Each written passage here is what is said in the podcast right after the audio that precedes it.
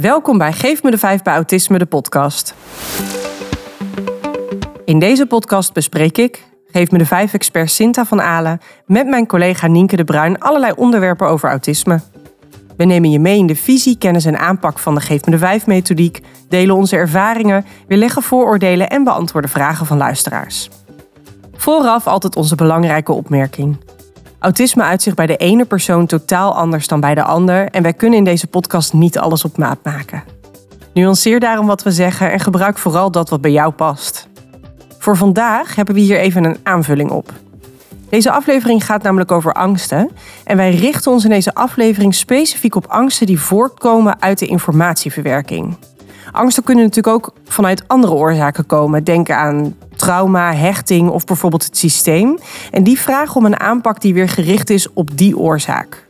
Dus belangrijk is om altijd de oorzaak te achterhalen voordat je een aanpak kiest. Vandaag hebben wij het over angsten die voortkomen uit informatieverwerking.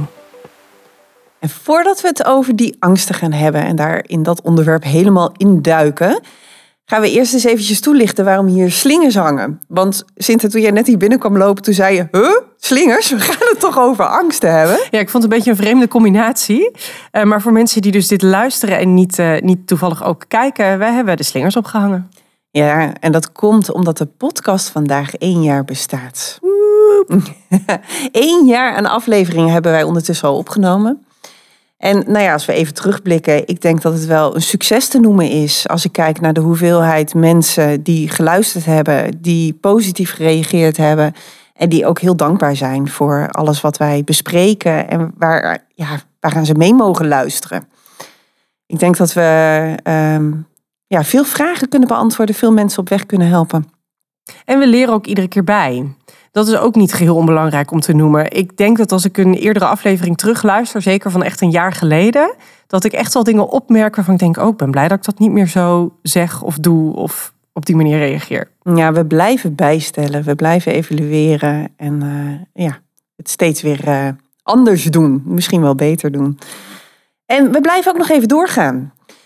Uh, dit is zeker niet de laatste aflevering. Mensen vragen ook wel hoe lang gaan jullie door? Hoeveel afleveringen komen er nog? Ja, dat zette mij wel aan het denken. Ik dacht, uh, hoe lang doen we dit eigenlijk? Ik heb geen idee. Uh, het is ook niet dat we van tevoren hebben bedacht welke onderwerpen we allemaal willen gaan bespreken. De onderwerpen verschillen ook nogal. Sommige gaan, zijn heel groot en andere zijn heel specifiek. maar we gaan gewoon zien waar vraag naar is. Er zijn ook best wel veel mensen die onderwerpen insturen. Nou, hartstikke leuk we gaan gewoon door totdat we zeggen, nou nu stop. Ja. ja. Goed. We hebben nog een feestje. Of dat eigenlijk, ja, een soort van feestje. Er is al een feestje over gevierd. Maar wel ook de reden waarom we het vandaag over angsten hebben. Want soms geven mensen ons onderwerpen. Soms creëren wij een onderwerp. Bijvoorbeeld door er een boek over te schrijven. Klopt, ja. Ik heb dit boek geschreven over uh, angsten. Bang uitvinden, Lisa heeft een plan, heet het boek. En dit is onze, ons vierde kinderboek uit de streepjesserie. En de streepjesserie, um, elk boek gaat over een streepje, dus een kenmerk van autisme. En vaker bang zijn is iets wat gebeurt bij autisme, wat voorkomt bij autisme. En ja, natuurlijk, iedereen is wel eens bang. Elk kind is zeker wel eens bang, maar ook elke volwassene heeft wel eens een angst ergens voor. Alleen bij autisme komt dat vaker voor. En ehm, zo vaak zelfs dat ik dacht, ja, dat moet het onderwerp voor het volgende boek worden. Want ik denk dat er uh, best mooie oplossingen zijn. Dat aanpak van angst soms eenvoudiger is dan dat je zou denken. Maar je moet wel precies weten hoe. Het zit wel in de details, in de afstemming om er goed te komen. Dus daarom in het boek ook, ja, in de andere boekjes staat één kindje centraal. En hier heb ik ervoor gekozen om een klas aan kindjes te doen. Een klein klasje hoor. Vijf kindjes staan, er, staan centraal. En samen met de angst van de juf worden er dus zes angsten in dit boekje besproken. Zodat je ook wat variatie hebt. En er wat meerdere uh, aanpak langskomt. Ja, en wij zeiden al, dit onderwerp voor deze podcast is gekozen op basis van dit boek. Maar het is uh, overduidelijk een onderwerp waar veel mensen vragen over hadden. Want zoals altijd posten wij van tevoren even online. Hè, wie heeft hier vragen of verhalen over om te delen? En we hebben echt een bizar hoeveelheid aan reacties gehad. Dus dat laat wel zien dat eh, soms bedenken we zelf de onderwerpen. Maar dit was er wel eentje waar blijkbaar ook heel veel vraag naar was. Eh, letterlijk. Dus dat is heel mooi, want we hebben al jullie input meegenomen om deze aflevering dadelijk uh, nou ja, te kunnen vormgeven. Zeker. En als we het hebben over angsten, dan denk ik dat iedereen zich daar wel een plaatje bij kan vormen. Maar om toch even op te noemen, hè, waar praten we over? Um, nou, wat we bijvoorbeeld zien bij autisme, of heel veel horen bij autisme, is angst voor nieuwe dingen. Voor uh, uh, plekken of gebeurtenissen of um, nou ja, dingen die, situaties die iemand nog niet eerder heeft meegemaakt. Die hoor ik heel vaak. En wat je dan kan zien, is dat mensen het niet aangaan. Misschien ook niet erover willen praten. Dus helemaal uit de weg gaan. Dat, dat kan gebeuren bij een angst. Uh, maar een angst kan ook juist heel duidelijk zichtbaar zijn doordat iemand helemaal in paniek raakt. Lijf helemaal stijf staat en, en, en ze het uitschreeuwen of, of nou ja. Ja, zo kun je ook. Vechten of vluchten eigenlijk. Ja, dat echt het hele lijf reageert dan, hè? Ja. Ja, zo kun je dus hè, angst voor nieuwe situaties of dingen die nog nooit eerder zijn voorgekomen. Um, maar we kunnen natuurlijk ook angsten tegenkomen die voor meer mensen wat herkenbaarder zijn. Dus een angst voor, voor spinnen, een angst voor, um, nou, überhaupt insecten of kleine dieren. Een angst hebben voor, nou, wat zijn dingen die bijvoorbeeld genoemd werden? Uh, voor ziek worden heb ik gelezen bij mensen. Uh, overgeven, nog specifieker, voor monsters, bestaande of niet bestaande. In het boek van uh, Uitvinder Lisa heb ik ook, ja, we korten het boektitel af. Hè? Bang Uitvinder Lisa heeft een plannen zo lang. Dus Uitvinder Lisa, zo noemen wij hem hier intern. Daarin heb ik ook voor de meest voorkomende angsten gekozen. Um, nou, een paar meest voorkomende. Eentje is de angst voor honden. Die zie je heel vaak voor die enge blaffende honden die dan opeens uh, heel onvoorspelbaar lijken. En inderdaad, die voor insecten, voor spinnen. En ook voor logeren. Die komt ook heel vaak voor bij kinderen. En de angst voor donker, voor slapen. Dus dat zijn vier die heel veel voorkomen. En daarnaast ook nog twee iets minder voorkomende angsten. Kast namelijk in het kinderboekje, die is bang om te fietsen. En daar zit een foute koppeling onder, kan ik alvast even vertellen. En Xante, die is bang voor afwijzing. Die is bang om niet mee te mogen doen. En dat is ook wel... Nou sociale angst. Sociale angst, ja. Misschien ook wel veel voorkomend. Ja, maar heel mooi. misschien niet waar je direct aan denkt als je aan angsten denkt. Wat ik ook veel las in de reacties die wij kregen, waren angsten voor dingen die onverwachts komen. Dus dat kunnen geluiden zijn. Uh, maar ook las ik bijvoorbeeld het mooie voorbeeld van het verkeer. Dat je niet weet als je gaat oversteken of er fietsers aankomen van welke kant. En dan dus bijvoorbeeld niet durven oversteken, want misschien komt er nog wel wat aan. Uh, maar ook geluiden, uh, onverwachte harde geluiden. Um, of geluiden waarvan je vooral niet weet wat het precies is. Dus dan is het ook weer het angst voor het onbekende. Maar vooral dus veel angsten ook over het onbekende en het onverwachte. Dat is iets wat ik in, in combinatie met autisme veel hoor, altijd om me heen, maar ook nu in de reacties heel veel teruglas. Dus als je het een beetje categoriseert, denk ik, dan heb je de angsten voor um, uh, voorwerpen of, of situaties of uh, dieren, maar van die specifieke angsten. Of je hebt angsten voor nieuwe situaties, of je hebt angsten voor onverwachte situaties. Dat zijn volgens mij een beetje de drie die ik het meest langs hoorde komen. Ja, en als je de twee grote groepen pakt, dan heb je reële angsten en irreële angsten. En je hebt natuurlijk angsten voor dingen die gewoon kunnen gebeuren. Een, een angst voor een afwijzing is natuurlijk een angst ja, wat heel reëel is. Het kan zijn dat je afgewezen wordt, dat je niet mee mag doen. Dat je afstemming niet juist is. Dus daar zit, ja, dat is heel reëel. Ja. Kan gewoon. Maar er zijn ook hele irreële angsten dat er een monster onder je bed zit. Kan heel leeftijdsadequaat zijn. Op een bepaalde leeftijd hebben we bepaalde angsten als kind. Um, maar goed, als jij een tiener bent en je bent nog steeds bang voor monsters, dan uh, is het uh, minder leeftijdsadequaat. Maar hij is altijd irreëel, want er zit nooit een monster onder je, onder je bed. En toch kan de angst heel echt voelen. Ja. Wat ik ook nog als laatste een mooi voorbeeld vond, was het gevoel van angstig zijn de hele dag door, zonder dat daar aantoonbaar echt iets is waarvan je zegt dat is waar ik bang voor ben. En de persoon die ons dit berichtte, um, dat, dat ze dit heel moeilijk vinden om mee om te gaan, uh, die benoemde ook dat het specifiek zichtbaar was bij meisjes. Ja, en de, ik, ik moest hierover wel puzzelen, nog steeds hoor. Dat ik, dat ik deze las ik en toen dacht ik, ah ja, het, dat is een angst. Het is een soort stress in je lijf, denk ik. Uh, geen specifiek aanwijsbare angst. Dus dit is wel. Uh, dit, dit zijn van die, van die puzzels waarin je gaat denken: oké, wat is nou de oorzaak hieronder? Wat is nou, wat maakt dat die meiden eigenlijk de hele dag dan zo'n paniek, stress, angstig gevoel hebben? Ja.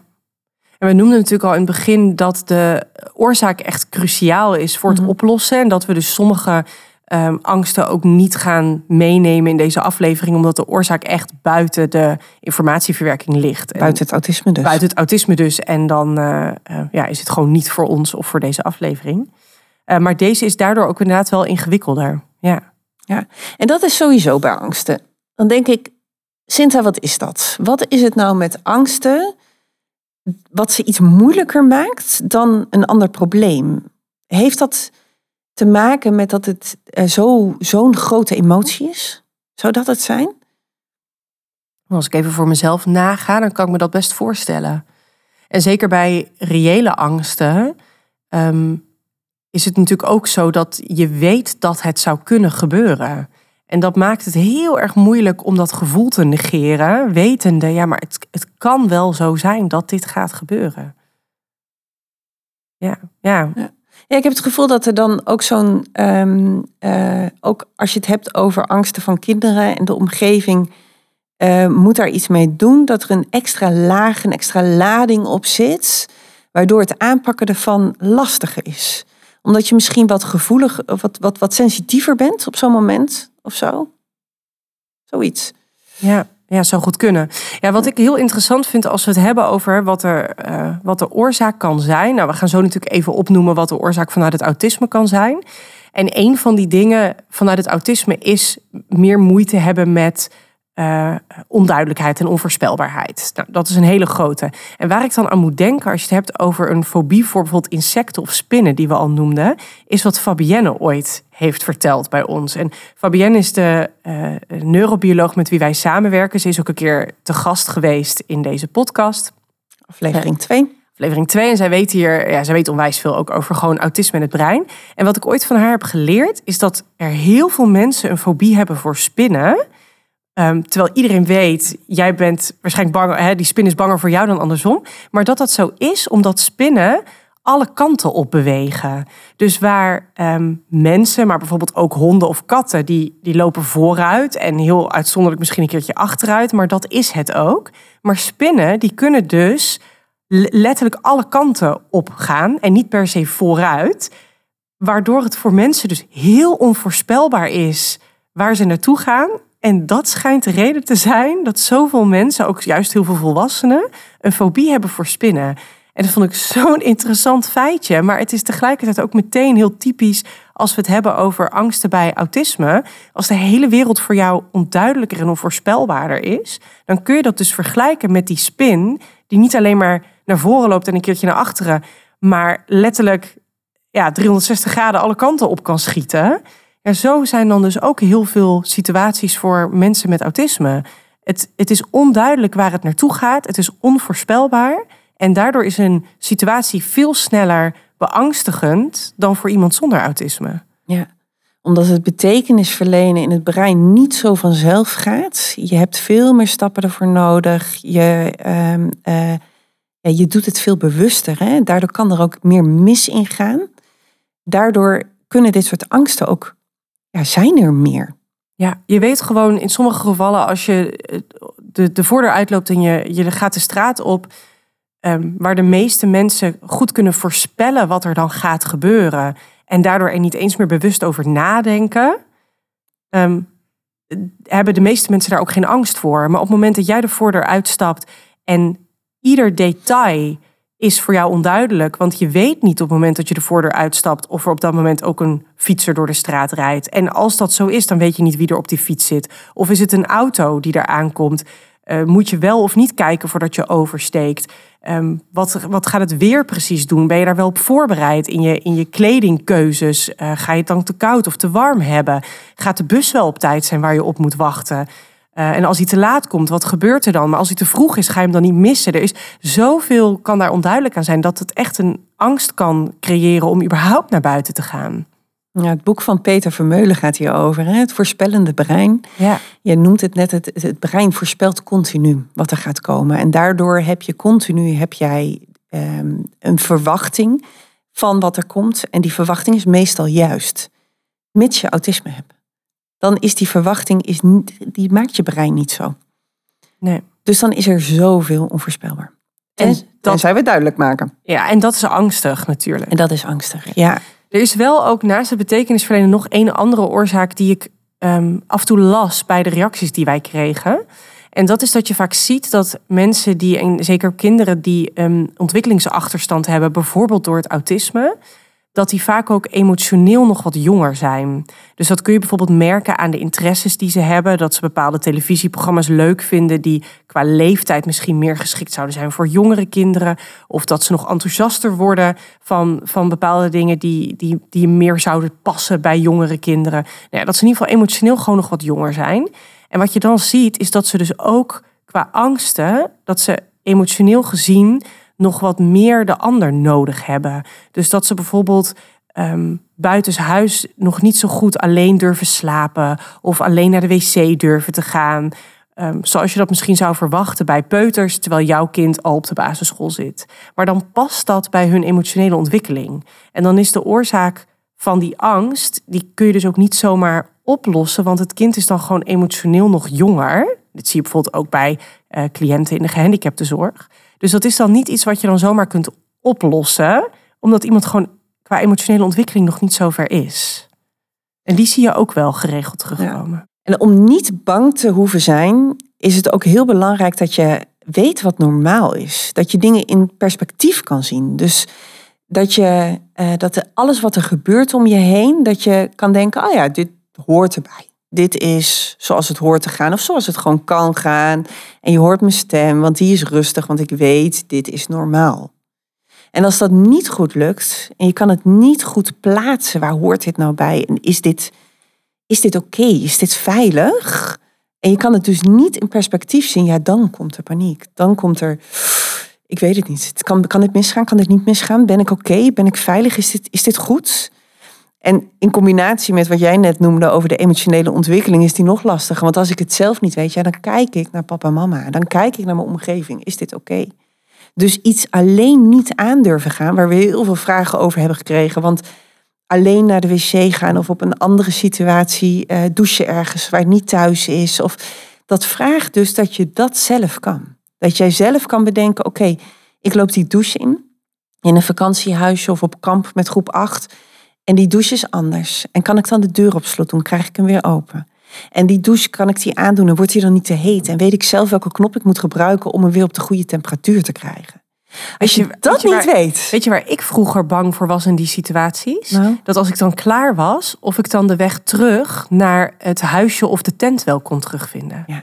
Dat was altijd mijn angst als kind. Niet, niet het douchen aan zich op een vreemde plek of naar de wc gaan. Maar iemand moest buiten op mij wachten. Want anders kon ik misschien niet meer terugvinden waar mijn familie dan was. Dat is er ook zo een. Ja, zo herkenbaar. Ik, ik, ik, had laatst een gesprek met een tienermeisje. En zij zei tegen mij, ik, ik ging met haar gesprek, want het probleem was dat zij nooit mensen terug hebt. En ondertussen heeft zij de leeftijd, ze is 16, dus dan heb je de leeftijd dat je wel zelf je afspraken moet maken.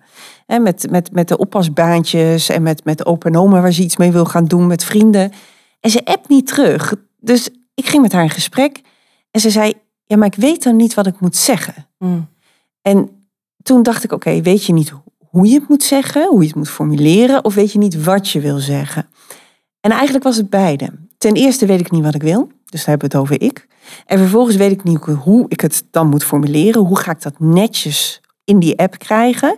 En ik weet niet wat ik terugkrijg, want als ik het terugkrijg, hoe moet ik daar dan weer op reageren? En daar zit ook een onvoorspelbaarheid in van wat ik zeg. Is dat oké? Is dat goed genoeg? En wat komt er dan weer terug? Waardoor, ja, ze ging het maar gewoon niet aan. Dat laat ook meteen zien naar hoeveel mensen eh, gaan vermijden uit angst. Dat hebben we helemaal niet per se genoemd net bij gedrag. Maar ik besef in één keer dat is natuurlijk een uitwerking die heel veel voorkomt. Ja. Dat mensen situaties gaan vermijden. Nou, ik noemde het al even wel, dat je dan je huis niet meer uitgaat. Maar je hebt natuurlijk ook minder grote varianten daarvan. Van situaties vermijden, omdat het gewoon spannend is. Ja, ja het is eigenlijk het vluchten. Hè? Je vechten, vluchten. En je hebt natuurlijk ook bevriezen. Ja, Waarin je gewoon stijf stilstaat, het gewoon Ja, niet meer weet. en niet reageert. Nee, nee. Relativeren, dat is een hele belangrijke. En ehm, ja, wat ook als jij nog onzeker bent over jezelf. ehm, niet het vertrouwen hebt in dat je het aan kan gaan, ja, daar zit echt ook een belangrijke oorzaak. Ja. Die is essentieel. Ja. En jij noemde net al eventjes dat je, als je nog jong bent, emotioneel bijvoorbeeld, ehm, dat je dan om je heen kijkt en kijkt hoe bijvoorbeeld je ouders reageren of hoe in ieder geval anderen reageren. En dat is denk ik iets wat veel mensen wel herkennen. Als je eh, een klein kindje hebt wat net uh, leert lopen en die valt om, dan weten vaak mensen wel, oh, moet je niet te heftig op reageren, want dan gaat het kind juist huilen. Dan is het ook in één keer heel heftig. Uh, als jij als ouder zegt, oh jee, ben je gevallen? Dat is natuurlijk vaak waarom kinderen gaan huilen, want oh jee, ik ben gevallen. Terwijl je zegt, oh je bent gevallen, sta maar op dan staan heel veel kinderen weer op en lopen ze door. Nou, dat is iets wat veel mensen wel weten, maar dat is, laat meteen ook zien in uh, aanpakken en relativeren. Dat als jij dus nog moet relativeren voor je kleine kind wat net leert lopen, dat is dus meteen ook wat je vaak ziet bij die kinderen met autisme die al wel wat ouder zijn, maar emotioneel nog jonger. Dat ze het nog nodig hebben dat een ander voor ze relativeert. Nou, daarmee rollen we natuurlijk een beetje in uh, wat een handige aanpak is. En ik dacht, misschien is het fijn voor die aanpak dat we hem even in stappen opdelen. Ja, helemaal goed. Ik denk de eerste stap is duidelijkheid. Altijd als er een angst is, als er sprake is van directe paniek of uh, het al jaren niet meer aangaan van iets. En de oorzaak, ja, de eerste stap is hiervoor eens kijken wat is de oorzaak. En uh, dan is in eerste instantie de check, is het duidelijk? Dus als we het over douchen hebben op kamp en uh, daar is, nou ja, wat ik net noemde, de deur op slot, de thermostaat, kraan draaien, et cetera, uh, teruglopen naar de plek waar je vandaan kwam. Ga kijken, waar zit hij? Waar is nog duidelijkheid nodig? Ja, en dit geldt ook voor naar de tandarts gaan. Als je jaren niet bent geweest, niet hebt gedurfd. Dit geldt voor weer naar school gaan. Als je niet naar school durft. Um, alles wat nu vermeden wordt en je wel weer aangaat, of in ieder geval iemand weer wil aangaan, dan is stap 1 dat je het zo duidelijk en voorspelbaar mogelijk gaat maken. Ja. Welke ik nog eventjes oversla dan, is eigenlijk die we in het uh, uh, boek van Lisa, van Uitvinden Lisa, als eerste doen. Want wat we daar als eerste gaan doen, is uitleg geven over angsten. En ik ben even de juiste pagina aan het zoeken, want hij is zo leuk. Het is de eerste pagina die getekend werd door onze illustrator. En ik laat het nu even zien voor de mensen die video hebben. Het is een pagina waarin je ziet dat Len, het karaktertje uit het boek, een leeuw aait. En dat komt omdat de juf uitlegt over dat angsten eigenlijk heel erg belangrijk zijn. Want de angsten beschermen je voor datgene wat gevaarlijk is. Dus dat is denk ik ook als ik net maar even mijn eigen vraag beantwoord die ik net stelde. Waarom zijn angsten zo moeilijk? Waarom is het zo lastig? Voelt het alsof er een extra laag om zit? Misschien is dit het wel. Omdat we ah. angsten ook serieus te nemen hebben. Als angsten voortkomen uit, um, uh, uit hetgeen wat ons beschermt, hebben we het ook serieus te nemen. Hebben we te luisteren naar, oké, hier ligt mijn grens. Ik moet nu in één keer denken aan mijn broer die uh, waarvan mijn moeder wilde dat hij zo snel mogelijk op zwemles kon. Omdat zodra we ergens op vakantie waren en hij zag water, dan liep hij er gewoon in. Oh ja, oh, omdat hij water zo fantastisch vond. maar hij kende ook niet de, de angst van...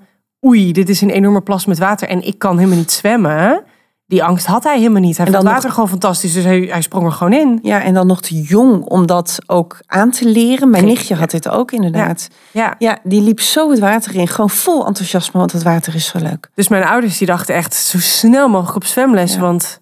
Ja.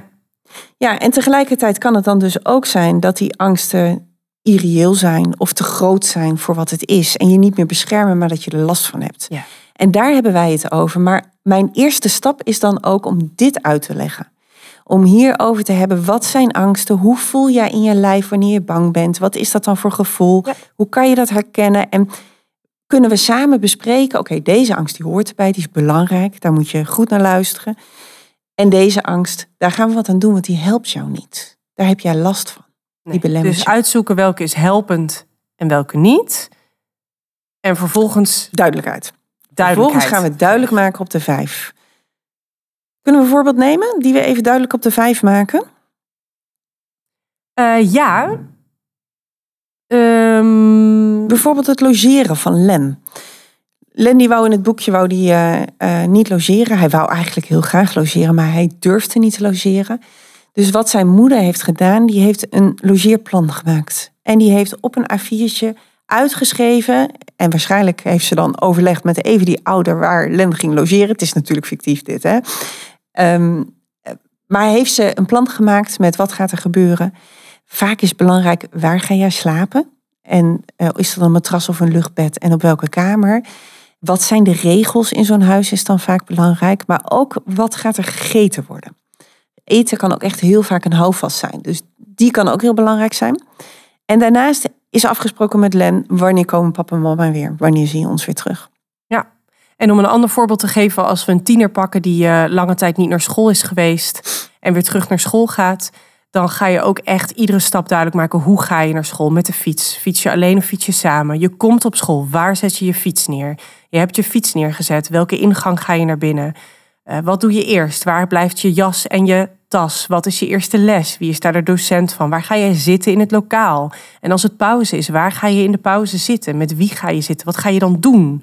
Als je daar echt heel. En, en je kunt overslaan wat niet relevant is waarvan je tiener denkt, ja, maar dat is niet het, hè, dat is geen probleem. Dat, dat, uh, dat weet ik allemaal wel. Of dat lukt me wel. Prima, sla je dat over. Maar echt kijken is die hele dag uh, duidelijk en voorspelbaar. Dat is Ja. echt het verduidelijken. Dat is het mooie als je dit samen doet, inderdaad. Want dan kan je de juiste dingen overslaan. Maar je komt er ook achter, oké, dan kom jij dus daar met je tas. En waar laat je je tas? Ja, weet ik niet. Nee. Er komt, je komt ook achter, waar zitten de problemen? Waar, zit, waar is het nog niet duidelijk? Ja, en het lijntje wat jij nu eh, uitlegt, is allemaal op taak. Waar zet je je fiets neer? Waar hang je je jas op? En je hebt ook nog een lijntje op sociaal. Als je dan dus dat schoolplein opkomt en je ziet een klasgenootje, wat zeg je dan? Ja. En als je de klas binnenkomt, waar kijk jij dan heen? In die En klas. die is verweven met wat ik zei in de pauze. Bij wie ga je zitten en wat ga je daar doen? Daar komt en inderdaad wat kan ook. je zeggen? Ja, ja, waar kun je het over hebben? Ja. Eh, met klasgenoten. Ja, zo heb ik een keer met een meisje die had geen vriendinnen. eh, en haar eigen klas ging echt niet lekker. En uiteindelijk had ze een, eh, hadden ze ja, activiteiten. En dan werd je in een andere klas, een andere groep samengesteld. En ik dacht, dit is je kans. Want nu kom je andere kinderen tegen. Dus we hebben voorbereid inderdaad, wie kan jij kiezen daar? En hoe zorg je ervoor dat jij als eerste er staat? Voordat de klaslokaal open is. Hoe kan je dan aansluiten bij degene die je ziet waarvan je denkt, ja, dat is hem. En hoe kan je die kiezen? En wat kan je dan zeggen? Ja. En het is gelukt toen. Ze heeft toen twee vriendinnen daar gemaakt uit een andere klas. Maar vanaf toen had ze in de pauze iemand Maakt niet erbij te uit. gaan zitten. Ja. Ah, mooi. Oké, Ja. dus we hebben uitleg geven over angsten. Duidelijk maken op de vijf. Ja. Volgende stap. Dan komt om de hoek kijken onze prachtige afkorting GROT. ja, ik moet een beetje om lachen, omdat ik eh, vaak als ik aankom in onze cursus bij het grotten, dan eh, denken mensen, oh, daar is weer een afkorting. Omdat wij nogal wat termen en afkortingen in onze methodiek eh, hebben gezet. Maar ja, grotten komt dan aan Ja, bod. wij zeggen dan, dan gaan we eventjes grotten. En grotten staat voor drie stappen eigenlijk. Generaliseren, relativeren en een oplossende taak bedenken. Juist. Dus die OT van de God is eigenlijk één stap. Een Dat is oplossende taak. En dat kan ook een sleutelzin zijn. Nou, om een voorbeeld te geven. eh, stel je voor, jou, eh, jij moet voor een, eh, een vaccinatie. En dat kan je kind zijn die een prik krijgt. Maar wellicht ga je naar een land waar jij een vaccinatie voor nodig hebt. Of is er een, krijg je de griepprik. Nou, allerlei redenen om gevaccineerd te worden. En eh, er zijn heel veel mensen die dat toch altijd wel een beetje spannend vinden. Maar ook heel veel mensen die er echt angstig voor zijn. Voor naalden en voor prikken. Nou, wat we dan doen bij het grotten is generaliseren. eh, oftewel dat iedereen dat doet. Bijvoorbeeld, jij bent nu negen. Alle kinderen van negen krijgen een prik. Dus jij ook. Dat zou een generalisatie zijn. Relativeren, ja, doet pijn. Want bagatelliseren is wat anders. En een naald die in je arm wordt gezet, dat voel je. Dus ja, het doet pijn, maar het duurt maar tien tellen. Vaak koppelen we een eindtijd aan die relativering. Alles is te overleven als je weet hoe lang het duurt, zeggen we dan ook wel. Dus weet hoe lang het duurt. En de oplossende taak, die is ontzettend afhankelijk van de persoon. Dus die kun je vaak niet zomaar iemand opleggen. Maar voor zo'n vaccinatie kan dat bijvoorbeeld zijn... je houdt mijn hand vast en we tellen samen tot tien. Maar een oplossende taak kan ook een sleutelzin zijn. Dus stel jij gaat in je eentje voor een vaccinatie, je bent volwassen... en eh, je moet er eentje halen. En je vindt het ook heel spannend, dan kun je ook een zinnetje met jezelf afspreken die je jezelf zegt. Dat kan zoiets zijn als ik kan dit. Dat kan zijn het duurt maar tien tellen. Ehm, eh, nou, weet je, een zinnetje die jij in je hoofd kan benoemen. Of misschien werkt voor jou het wel veel beter om daar helemaal niet mee bezig te zijn. En te denken, ik ga iets leuks kiezen om aan te denken wat me afleidt. Kan ook een oplossende taak zijn. Ja, de oplossende taak geeft je eigenlijk zowel in je denken als ook in het bewust richten van je gevoel, als in het doen. Dus jouw hele gedrag, alle drie de onderdelen van gedrag, geeft het aan wat jij moet doen. En maken we het zo klein dat de hoe ook duidelijk is. Dus ehm, eh, dit doen we eigenlijk omdat je je huidige gedrag wil veranderen naar nieuw gedrag. Want je huidige gedrag is angst, is paniek. En jij wil naar iets nieuws toe, je wil iets anders reageren. En daarom maken we het helemaal duidelijk op de vijf. Dus als ik weet, oh, dan ga ik gewoon tien keer heel diep ademhalen. Dan adem ik in en dan adem ik uit. En dan denk ik, bij elke uitademing denk ik, het komt goed. Dan geef je jezelf met je hele lijf, met je hele gevoel, met je stem, met je gedachten, geef je jezelf een andere taak, een andere handeling. Dus het is omdenken, nieuw gedrag aanleren. Ja. Dat is eigenlijk die oplossende taak. En het is echt, echt enorm maatwerk en specifiek voor de persoon hoor. Want waar de een echt zegt, ik moet aan, met alles bezig zijn behalve dat, want anders gaat het niet goed. Is het voor een ander juist heel helpend om gewoon de hele tijd tegen zichzelf te zeggen, ja, ik vind het heel spannend en het is oké. Ik vind het gewoon heel spannend. Ja. Of dat iemand anders daar de hele tijd, en dan gaan we eigenlijk aansluiten, dat iemand anders de hele tijd benoemt, jij vindt het spannend en dat mag. Dat kan. Terwijl voor een ander is dat juist helemaal niet helpend. Want dan maak je het misschien wel honderd keer groter. Ja, mijn dus hoofd gaat ook gelijk hoor. Als jij dit zegt, jij vindt het spannend en dat mag, gaat mijn hoofd gelijk naar een relativeerzin. Dan denk ik, dan doen we er achteraan. Over vijf minuten is dit voorbij, bijvoorbeeld. of zoiets. Ja, en, dan, en dat is er ook eentje, want dat is de eindtijd. Hè? Ja. Die is ook zo helpend, jongens. Als je een eindtijd geeft, alles is te overleven als je een eindtijd weet met mijn bevallingen, toen zei ik tegen mezelf: het is maximaal 24 uur of 48, wat was het? Het is een max en dan moet het voorbij zijn. En ik dacht: oké, alles is te overleven als het een eindtijd heeft. Ik zeg tegenwoordig: je kunt, je kunt alles is te overleven als je de eindtijd weet, behalve als je een bevallen bent. Oh, echt? maar ook dat is weer maatwerk. Ja, ja. Heb je ook overleefd? Ja, heb ik ook overleefd. Ja, maar dat. Uh, ja. ja, goed. Jouw voorbeeld net over de uh, vaccinaties, die doet me denken aan een, uh, een freemium die wij ook hebben op onze website. de, in de webshop zijn allemaal gratis downloads te vinden. En eentje daarvan die heet Niet leuk, maar het moet. En die heb ik destijds gemaakt voor vaccinaties voor het coronavirus. hij is nu iets aangepast, want hij geldt voor alles. Hij geldt ook voor harenkam als er een grote knoop in zit. Of haren knippen waar je bang voor bent. Uh, voor naar de tandarts, naar de dokter, voor elke behandeling die daar ook maar aan je lijf kan komen, een pleister eraf halen. Al die voorbeelden heb ik daarin een voorbeeld uitgewerkt, een stappenplan uitgewerkt van hoe doe je dat dan? En wat komt erbij kijken? Dus uh, nou, maak er gebruik van, download hem. En die maar het moet vind ik wel mooi, want jij noemde er straks het voorbeeldje van het logeren, wat in het kinderboekje wordt gebruikt. Uh, en toen zei je heel mooi, maar hij wil het wel. En daarna ging je heel snel door. En toen dacht ik nog, oh, daar moeten we nog even op terugkomen. Want het is natuurlijk wel cruciaal om ook aan te geven dat als het een situatie is die niet per se moet. En jij of jouw kind of jouw cliënt die, die wil het ook gewoon niet. Dan is het natuurlijk ook oké. Als je het werkelijk geen plezier beleeft aan uit logeren gaan, dan is het echt niet dat wij nu zeggen dat je dat wel zou moeten kunnen.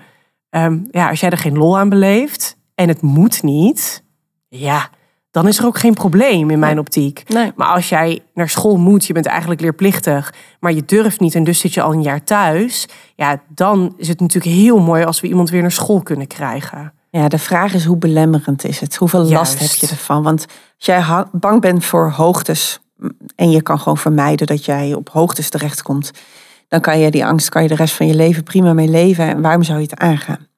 Ja. Maar als je graag parachute wil springen, en daar is de motivatie heel groot voor. Ja, dan is het handig om die angst te overwinnen. Of je wil gewoon een angst overwinnen. Dat is natuurlijk ook super top. Ja, Weet je, dan ga je, dat, dan ga je dat lekker doen. Alleen als het dus dingen zijn die gewoon eigenlijk, nou goed. Ja. Ja. Dat vind ik ergens nog belangrijke kanttekening. hey, nou hebben we het gehad over angsten uitleggen, duidelijk op de vijf. En het grotten, wat dus specifiek eigenlijk gaat om het leren relativeren van uh, datgene wat je aan het doen bent. Dan houden we nog een hele cruciale stap over. En dat Mag ik nog één ding zeggen over het relativeren oh, eerst? Ja. Dan gaan we daarna naar die cruciale stap. Ik denk ehm, dat de helft van de vragen die wij binnenkrijgen, dat, nou ja, misschien wel bij alles, dat dit altijd verweven is. Relativeren is een van de moeilijkste dingen voor mensen met autisme om goed te kunnen doen. En daarom denk ik dat of je nou last hebt van angsten of niet, dat dit belangrijk is om mee te oefenen. En hier kan je zelf mee oefenen, maar ook als omgeving kan je dit doen. De omgeving kan je de hele dag door bij alles hardop ondertitelen. Ach ja, gevallen, dat hoort erbij. Oeh, kapot was niet de bedoeling. Maar eh, door die toon en door die rust en continu zinnetjes met is normaal, hoort erbij, kan gebeuren. Daardoor maken we de hele toon, maken we onze hele contact relativerend. En daardoor ga je de ander het ook leren.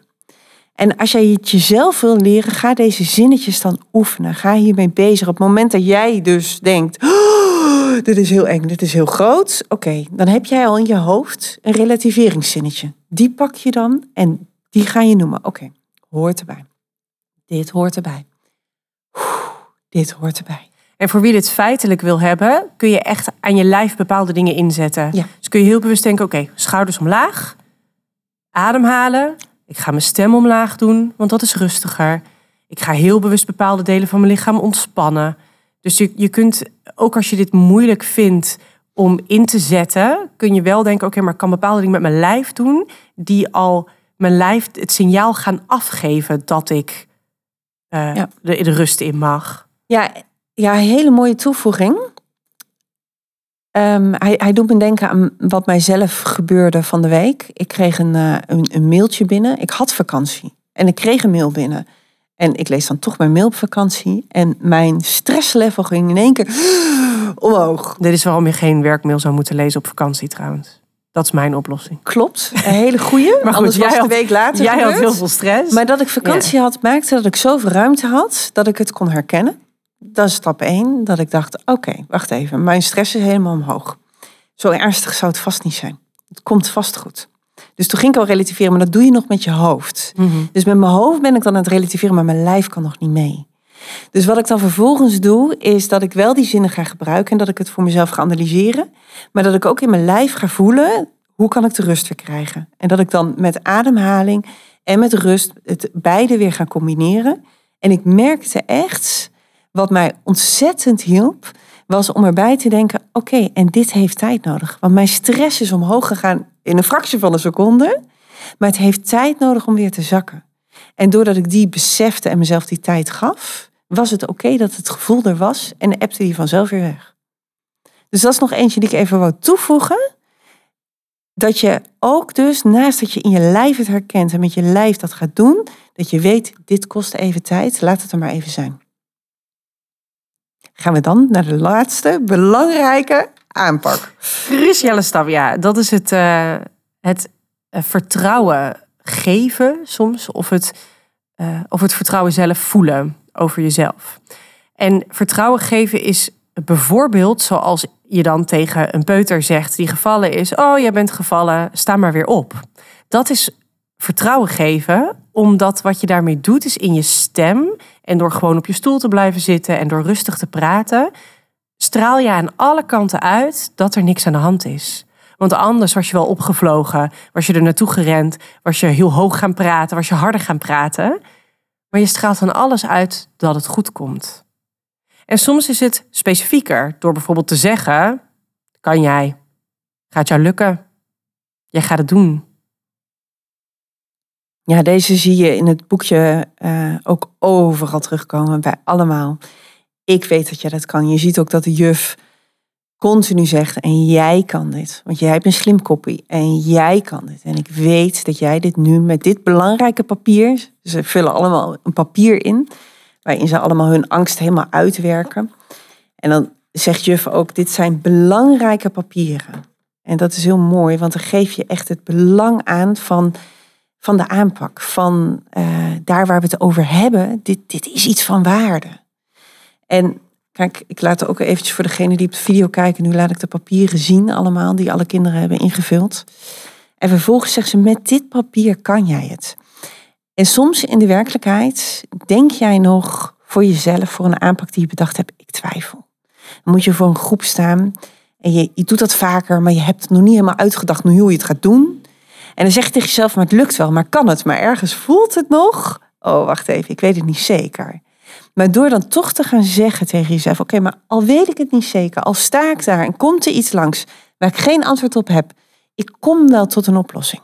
Door dat te zeggen, geef je jezelf vertrouwen. Door dat te zeggen, kan het toch, kan je toch die empowerment voelen om het te mm. gaan doen. Of soms het vertrouwen hebben in dat, dat als route A niet werkt, dat je dan B of C kan nemen. Ja.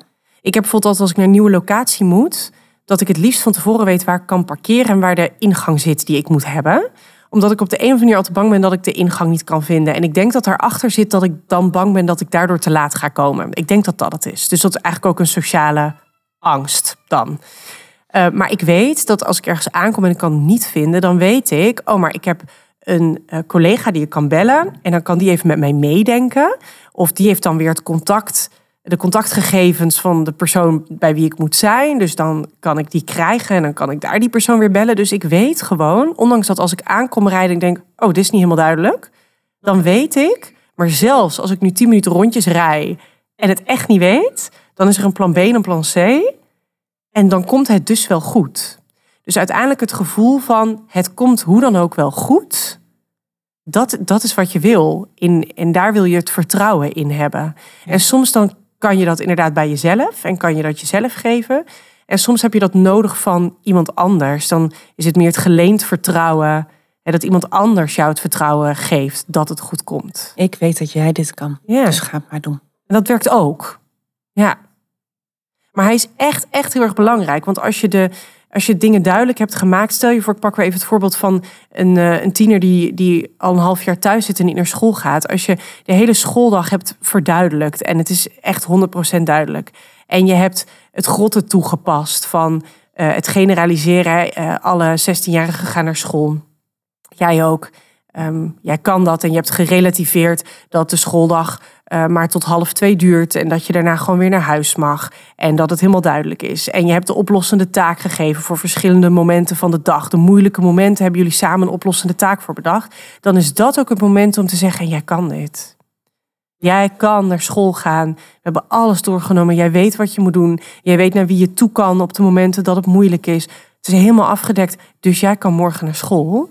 Die laatste stap is echt belangrijk om toe te voegen. En hierin generaliseren is ook super handig. Want wat je bijvoorbeeld kan doen, is dat je kan zeggen: Oké, de maandag naar school is gelukt. Jij bent maandag geweest, dus jij kan vandaag ook. Het lukte jou toen, dus het lukt jou nou ook. En dat kan ook met andere situaties. Oké, ik kon toen voor die ene groep kon ik dat doen. Nou kan ik voor deze groep kan ik dit, kan ik ook wel. Kom op. Ja, is me toen ook gelukt, dus nu ook. Dat is echt het vertrouwen geven. Dus voor alle ouders die ons ook een berichtje hebben gestuurd uh, bij angsten die, die bijvoorbeeld al langer spelen. Um, daar word je zeker als je ouder bent van een kind, word je daar zelf vaak ook heel onzeker van. En dan ga je het zelf ook steeds spannender vinden, omdat situaties steeds moeizamer gaan. En dat een kind wat eerst één keer uit bed kwam, s'nachts komt er nu vijf keer uit, waardoor je zelf ook misschien moedeloos wordt. Um, als het gaat om dat vertrouwen geven, kijk of je die angst die je nu zelf begint over te nemen, dat het niet meer goed komt. Of dat je die ja, kunt verbergen eigenlijk voor je kind. Zodat je je kind alle vertrouwen kunt blijven geven dat jouw kind het kan. En dat is onwijs moeilijk als je zelf het vertrouwen een beetje begint te verliezen. Maar het kan precies net het laatste stapje zijn wat je nog niet toepast, waardoor het niet lukt. Dan zien we wel dat de ouders zeggen, oh weet je, dan hebben ze een heel plan gemaakt en alles voorbereid, maar zelf nog niet ervaren dat het werkt. En dan is het heel logisch dat je dan zegt, oh weet je, we gaan het proberen. Kom, we proberen het gewoon. Maar dan zit er al een onzekerheid in. In het woord proberen zit al de mogelijkheid dat het gaat mislukken. Dus dat is absoluut geen optie. Want eh, ja, er is een keertje niet helemaal duidelijk op de vijf. Dus het gaat dan ook niet lukken. Jij hebt als ouder dan te zeggen, oh ja, maar nu kan jij dat. Al die jaren lukt het niet. Maar jij weet nu precies hoe het moet. Kijk, wij hebben het allemaal voorbereid. Jij weet wat je kan zeggen. Jij weet wat je het kan doen. Dus dit gaat lukken. Jij kan dit, ik weet het zeker. En altijd als ik dit zeg, dan is er iemand, en de rest denkt het, die zegt: Maar wat nou als het dan vervolgens niet lukt? Want dan ben ik onbetrouwbaar geweest. Nou, die angst, want dat is ook een angst, die snap ik, want je wil niet onbetrouwbaar zijn naar jouw kind of cliënt of, of partner toe. Ehm, maar wat je dan doet, is dat je het stuk pakt wat al wel is gelukt. En dat ga je uitvergroten. Ja, en het stuk wat nog niet lukte, zeg je: Ach joh, maar ik was nog niet helemaal duidelijk geweest. Sorry. En ik ga met mijn sorry relatie weer herstellen. En ik zeg: Ik weet waar die misging.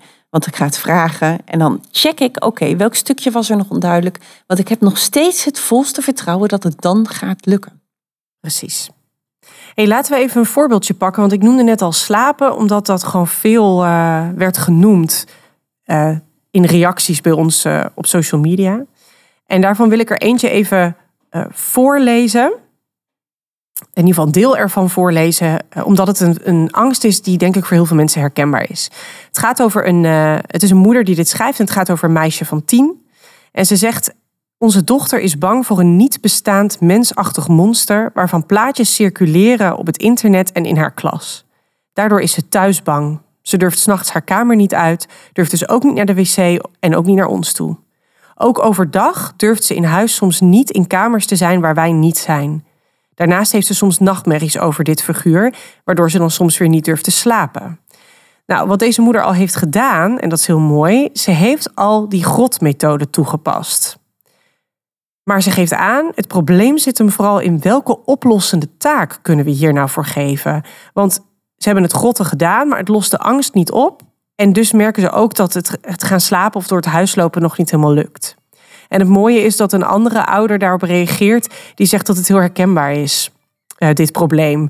Dus nou, dat maakt dat ik denk, oh, dan is dit bij uitstek eentje om te bespreken, want dan maken we hopelijk twee mensen blij. Uh, wat ik in ieder geval heel mooi vind, is dat deze moeder al het grotten is gaan toepassen.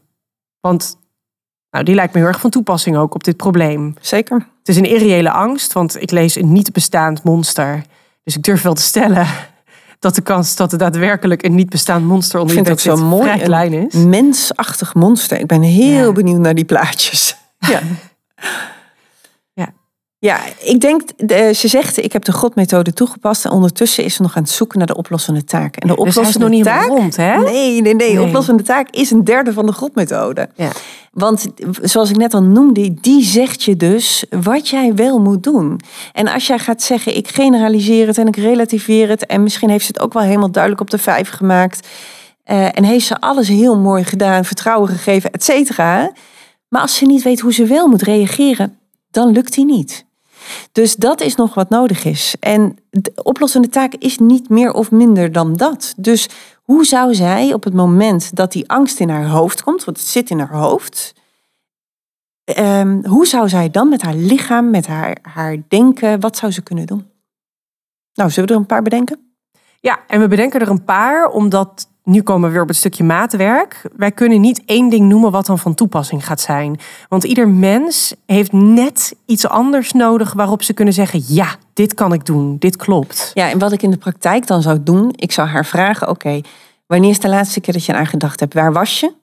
En waar stond je en op welk moment dacht je daar? Want ik wil eigenlijk weten waar komt die associatie in haar brein vandaan. Dus is het dan eigenlijk ook nog dat daaronder zit dat ze het donkere hoekje in het huis eng vindt en dat ze op dat moment eraan gaat denken? Of is het eigenlijk dat er op het moment dat ze eraan denkt dat haar hoofd eigenlijk heel vol zit, omdat het altijd s'avonds is en dat ze de dag aan het verpuzzelen? Dat soort dingen wil ik dan eerst nog eventjes weten.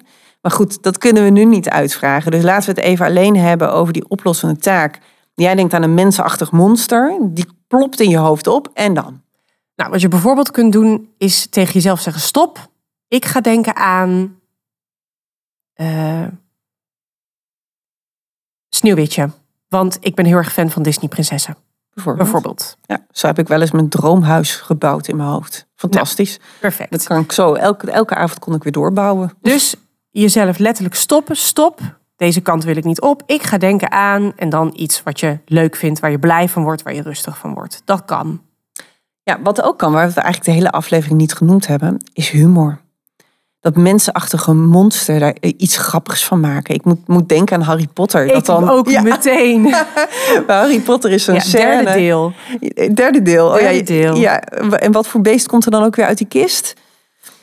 Ja, er, er, komt, er komt een, eh, een monster uit die zich vormt naar jouw grootste angst. Oh, dit is eigenlijk echt een briljant voorbeeld. Want wat ze eigenlijk doen, in zowel het boek als in de film, is dat ze leerlingen aanleren dat als dat, die gedaante, die eigenlijk van zichzelf vormloos is, als die eh, verschijnt en die neemt dus de vorm van jouw grootste angst aan, dat je eh, met de spreuk die op dat moment afvuurt, dat je tegelijkertijd denkt aan inderdaad een, een grappige andere manier waarop dat monster dus verdwijnt in iets wat heel grappigs is. En eigenlijk leer je daarmee je leerlingen dus relativeren Ja. met humor. Dus als je zo'n reusachtige spin ziet waar je bang voor bent... en je zet een rolschaatsen onder al die poten... Ja, Ja. dat is hilarisch, want die gaat alle kanten op. Ja, precies. Dus maak er iets grappigs van wat ook helpt relativeren.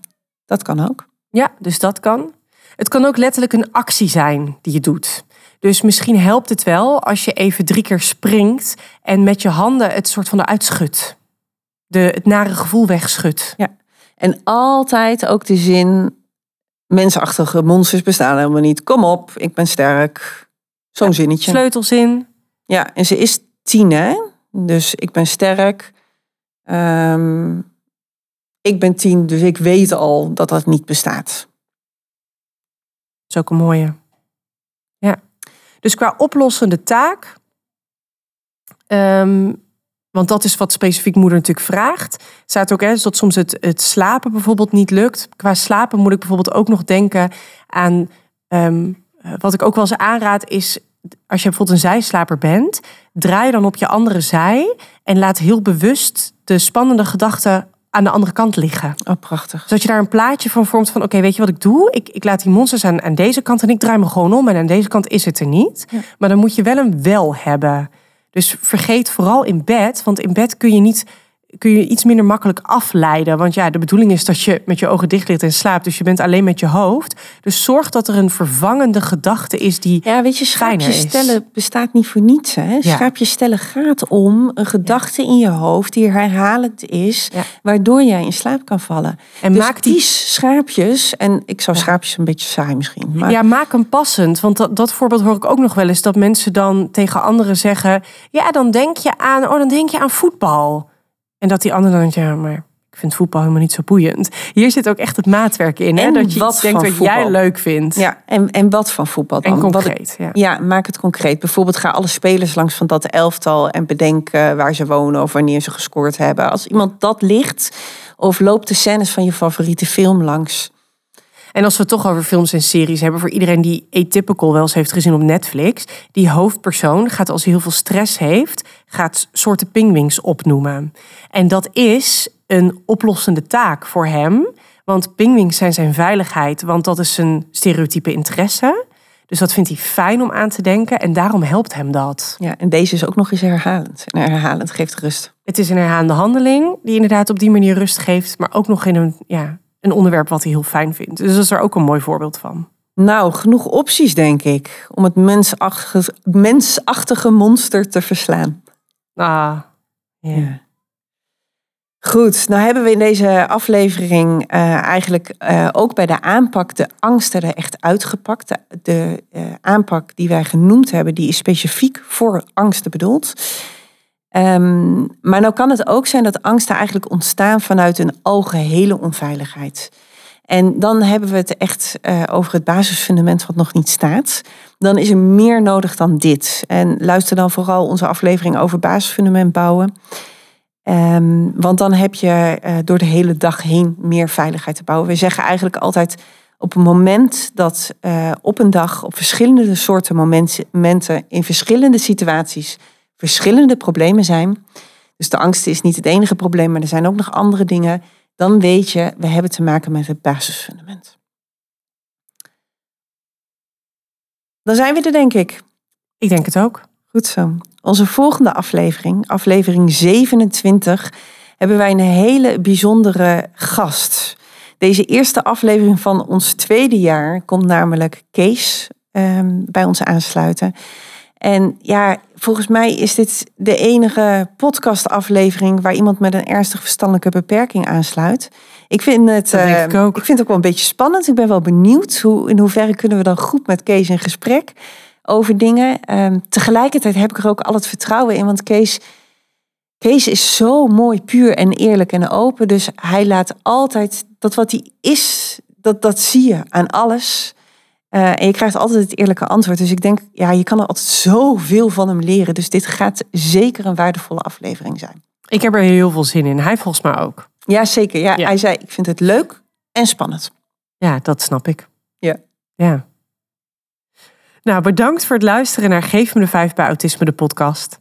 Als je je abonneert, dan word je op de hoogte gebracht zodra er een nieuwe aflevering online komt. Vergeet niet om een reactie op deze aflevering achter te laten, daar waar je deze aflevering hebt beluisterd of op onze social media. Daar kun je ook altijd je vragen stellen of verhalen vertellen over de onderwerpen die nog gaan komen. Als je meer wil leren over onze methodiek of de downloads wil vinden waar Nienke het over had in deze aflevering, die staan allemaal op www.geefmede5.nl.